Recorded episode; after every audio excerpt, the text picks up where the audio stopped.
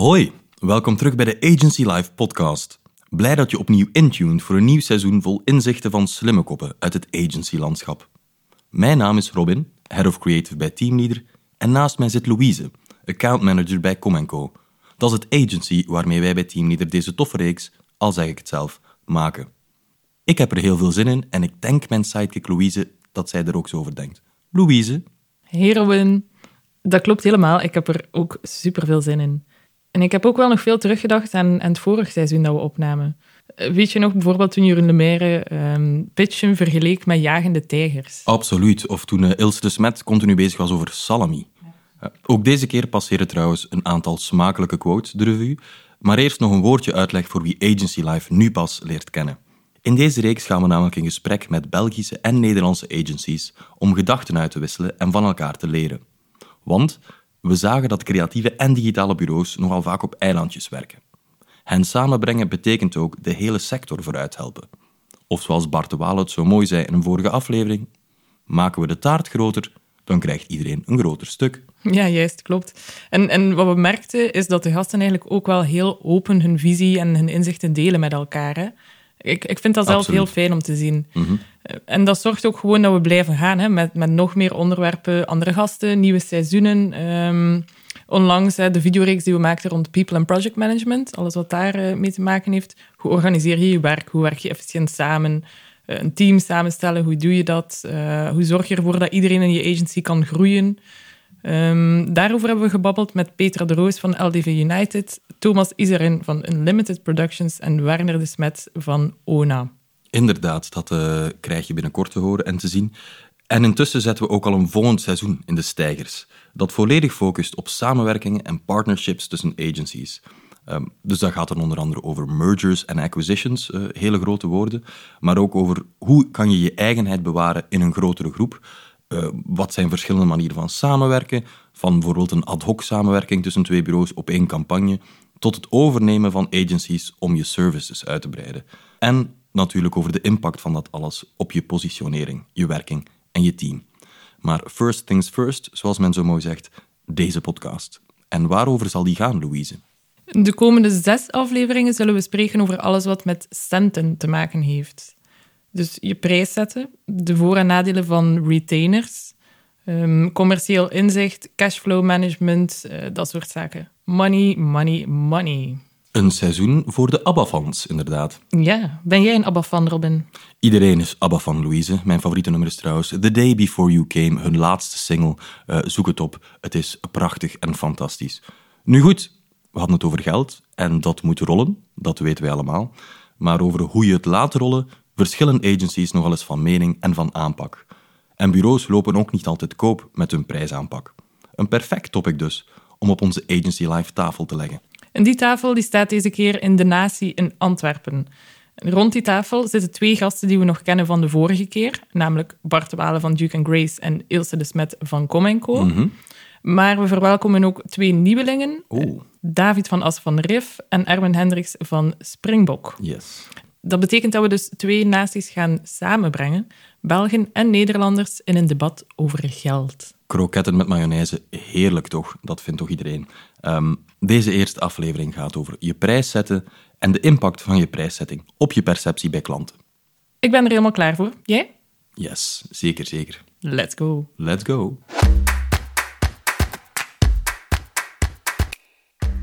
Raise your fucking prices. Klanten waarmee je echt wil samenwerken, verlies je niet op prijs. Ja. In mijn briefingsdocument stond het zelfs in all caps. Het lijkt me dat je hier een dat je hier sterke mening over hebt. Bart.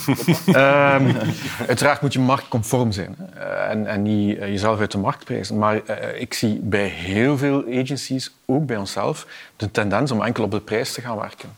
Eh, terwijl dat je, zoals de Erwin daar straks zei, op je kwaliteit of aan het je sterktes moet gaan werken.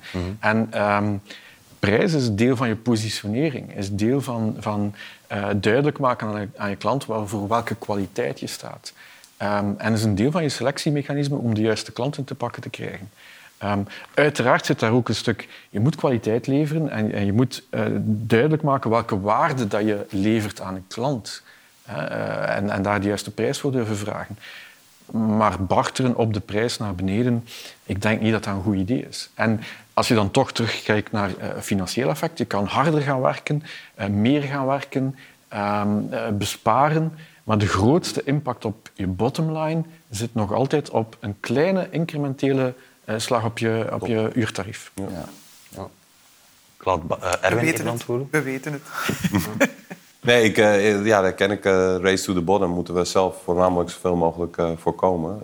ik, ik, bij Springbook is het wel dat we zo eerlijk mogelijk proberen te prijzen ook. Hè. Dus dat vond ik ook wel terecht wat jij aangaf. Is van dat je eerst heel goed moet weten van het selectie van het type klant. Maar ook goed de vragen weten af te pellen. Goed weten wat je wil aanbieden, waar je het verschil maakt. Ook als je iets extra's wil aanbieden, dat je dat ook heel duidelijk aangeeft van wat daar de added value van is. Dus alleen maar kijken van wat iets kost is denk ik uh, niet helemaal fair. Uh, ook kijken van wat iets waard is in de markt, of wat het oplevert voor een klant, of wat het bespaart, de impact die het aan die kant maakt. Uh, dat meenemen in je pricing, dat, dat, ja, dat doen wij wel. En dat, is denk ik ook een goede aanpak, zeker. Het gaat niet over de goedkoopste of de duurste te zijn. Het gaat over welke waarde lever je en wat staat daar tegenover. Ja. En het feit dat je ook aangaf dat de klant ook merkt dat je het probleem beter begrijpt, misschien wel dan hij zelf, en dat je mhm. daar ook heel veel tijd en energie in hebt bespaard dat vertrouwen en die kennis is denk ik veel meer doorslaggevend of dat hij het 10%, 15% goedkoper kan krijgen bij een partij die hij niet kent, waar hij dat vertrouwen niet heeft. Want uiteindelijk onderaan de streep zijn ze misschien wel twee keer zo lang bezig en wordt dat ook daardoor anderhalf keer zo duur. Uiteindelijk betaal je voor de expertise. En als Picasso in één vloeiende lijn een stier tekent, dan betaal je niet voor die één minuut van die lijn, maar voor die 30 jaar ervaring. Zeker, ja. Eh, en dat, dat zou bij ons ook moeten zijn. Uiteraard zit je in een competitief speelveld en, en, en moet je omgaan met, met de markt. En, en, dus je kunt daar niet te zot in doen. Maar je mag best wel trots zijn op je expertise en daar de juiste waarde voor vragen. Ja, the, the quality remains long after the price is forgotten. Dat is natuurlijk ook zo'n zo'n one-liner, maar dat, dat klopt natuurlijk 100%. Uh, eh, kijk, als je, als je wat in je uurtarief uh, doet, dat, uh, dat is heel even leuk. Maar de volgende keer is het zeg maar het normale uurtarief weer. Uh, dus ja, en, en natuurlijk... Je komt er ook nooit meer vanaf. Van nee, je komt er nooit meer vanaf. Nooit en meer. Het, het is de, ik heb de, in het voorgesprek de vergelijking gemaakt met, met, met drugs. Kijk, je hebt altijd meer nodig en je komt er nooit meer vanaf. Want je kan dan, als je dus een bepaalde discount geeft en, en je, je prijzen die groeien gewoon door, dan wordt dat gat tussen hetgene wat je hebt afgesproken, dat wordt steeds groter. En dan kan je niet zeggen van, goh, het is nou 1 januari. Vorig jaar betaalde je voor deze consultant X en nou, uh, ja, nou is het Y. Ja, daar, daar, daar, daar, kom je, daar kom je nooit meer vanaf. En precies wat jij zegt, gewoon een faire, uh, prijs. Uh, dat betekent, wij zijn uh, super transparant. Dat betekent voor iedereen, iedereen hetzelfde. En waarom zou ik, zou ik jou X vragen en jou Y? Omdat ik weet dat jij een groter budget hebt. Ja, dit, en, en vroeg of laat komt het altijd uit. En dan, dan, ja, dan, dat is geen goede basis voor een goede partnership. Ja, wij hebben daar wel één moeilijke factor bij ons. Heel veel klanten blijven heel lang. En met heel lang bedoel ik decennia lang. Mhm. En dat maakt dus dat die zijn ingestapt aan de prijs een decennium terug. Ja. en dat je dus ja, uh, heel voorzichtig beweegt, sowieso. Uh, omdat je natuurlijk je klant niet wil bruskeren. En ik hoor het je graag zeggen, een klant gaat niet weg voor prijs. Maar een klant gaat natuurlijk wel nadenken. Hè. Gaat, uiteraard, als je uh, grote volumes voor hem, voor hem verzet, gaat hij wel nadenken van welke volumes kan ik eventueel wegtrekken. En ja, we hadden het er daarnet over. Automatisch als ondernemer wil je alles doen. Je wil alles doen. En dus ja, maar waarde, Zit je daar dikwijls toch wel op van? Waarde, waarde voor een bedrijf is niet enkel, voor, voor ons bedrijf, uh, voor een agency, is niet enkel die prijs. Ja, is hoe snel word je betaald, uh, hoe, hoeveel voorschot kan ik krijgen?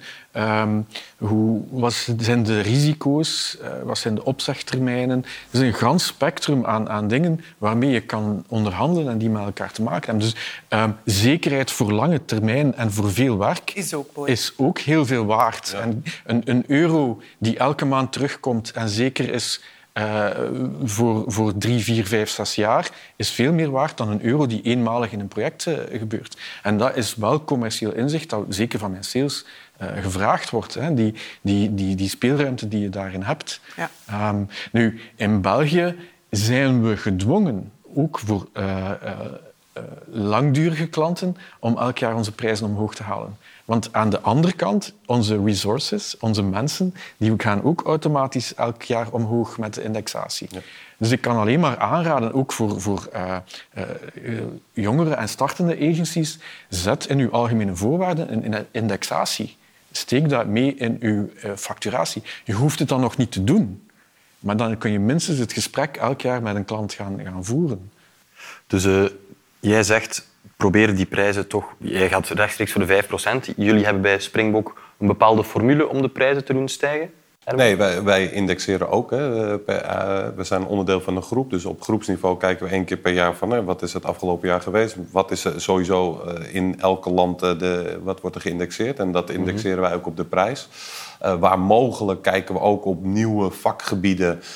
wat daar de ontwikkelingen zijn... en of we daar een hike moeten doen voor nieuwe klanten. Ik denk dat je ook...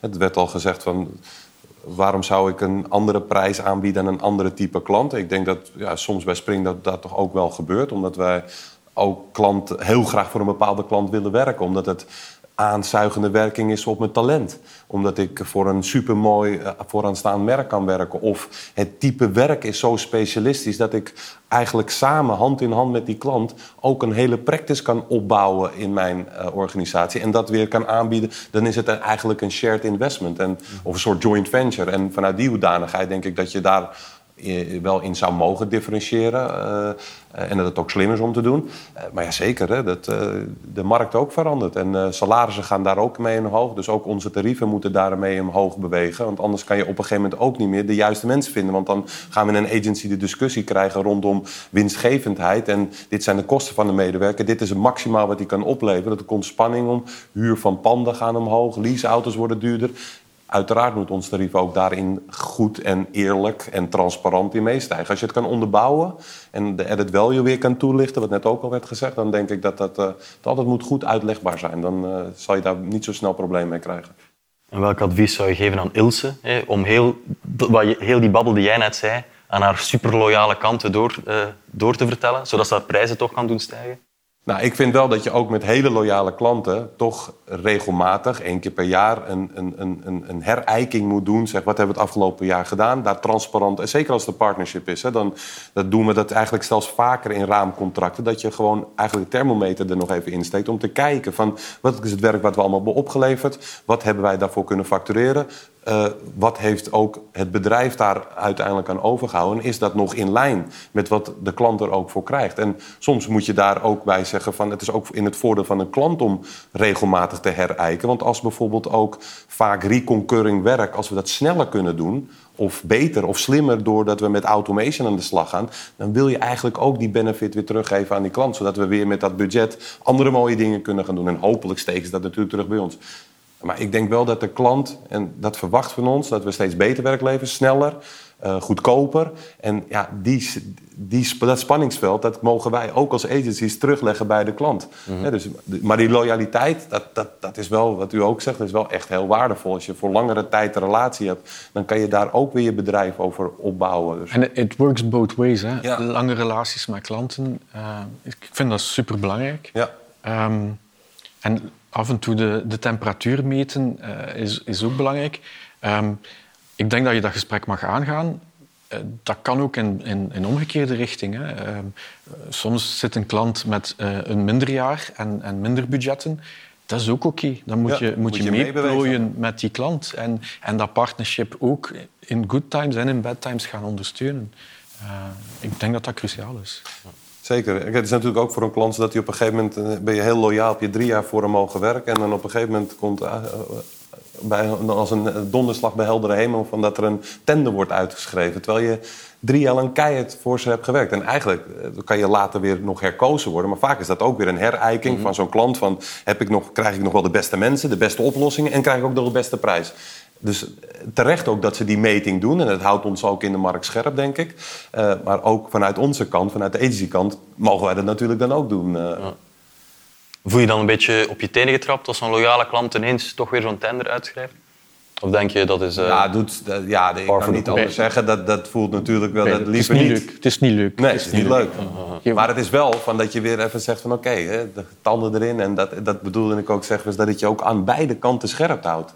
Je moet ook niet verzwakken, want in een langere, langdurige relatie kan het ook zo zijn dat je, ja, dat je verzwakt of dat je niet scherp genoeg of niet scherp op de bal speelt of niet die klant continu blijft uitdagen. Nou ja, dat, daarom ja, je wordt een beetje deel van het meubilair. Dat, is, dat is gewoon zo. Hè. Je wordt meegenomen in, in het team van de klant zelf en voor je het weet ben je, ben je al aan het denken in het kader van de klant zelf. Dat, dat is het gevaar van hele lange relaties. Je moet, daarin, je moet die teams verversen, want anders uh, wordt, je, ja, wordt je kader hetzelfde als dat van de klant. En dat is eigenlijk niet de bedoeling. Dat is deel van onze toegevoegde waarde, dat we een outside view uh, daar, daarop wachten. Ja, tuurlijk, ja.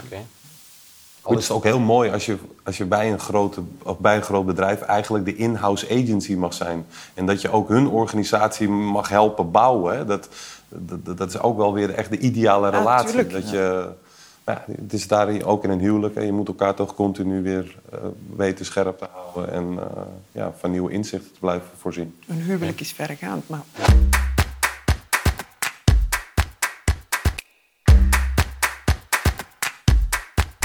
Zo, alweer een metafoor op zak, dankzij onze goede vriend Bart. Als Picasso in één lijn een stier tekent, dan betaal je niet voor die ene minuut, maar voor zijn 30 jaar ervaring. Dat ga ik zeker gebruiken. Inderdaad, Louise. En ook wel, je prijs is dus echt wel meer dan een cijfertje, of dan centen om de rekening te betalen. Voor Erwin Hendricks bijvoorbeeld is het een manier om het juiste werk te doen. Hij zet zijn prijs al een keer iets scherper voor klanten waar hij echt heel graag voor wil werken om zo projecten binnen te halen die dan op hun beurt talent aantrekken. Slimme man, hè, die Erwin? Zeer slimme man. Ook redelijk groot. Ja, Nederlander, hè? Nederlanders, inderdaad. Um, ik ben benieuwd naar wat hij de volgende keer aan slim advies meebrengt, Louise. Maar vertel eerst even aan de luisteraars waarover we het dan gaan hebben. Wel, volgende keer gaan we nog een beetje dieper in prijsstrategie duiken. En in alle factoren die daar een rol in spelen, zoals exclusiviteit, uh, snelheid, en we gaan ook spreken over korting geven aan klanten. En ook over cocaïne. Over drugs. Oei, dat, dat klinkt heel erg not safe for work, Louise. Um, als dat maar goed afloopt. Ik ben benieuwd wat ons panel de volgende keer daarover zal vertellen. Dus ik zie je graag de volgende keer terug. Doei. Doei.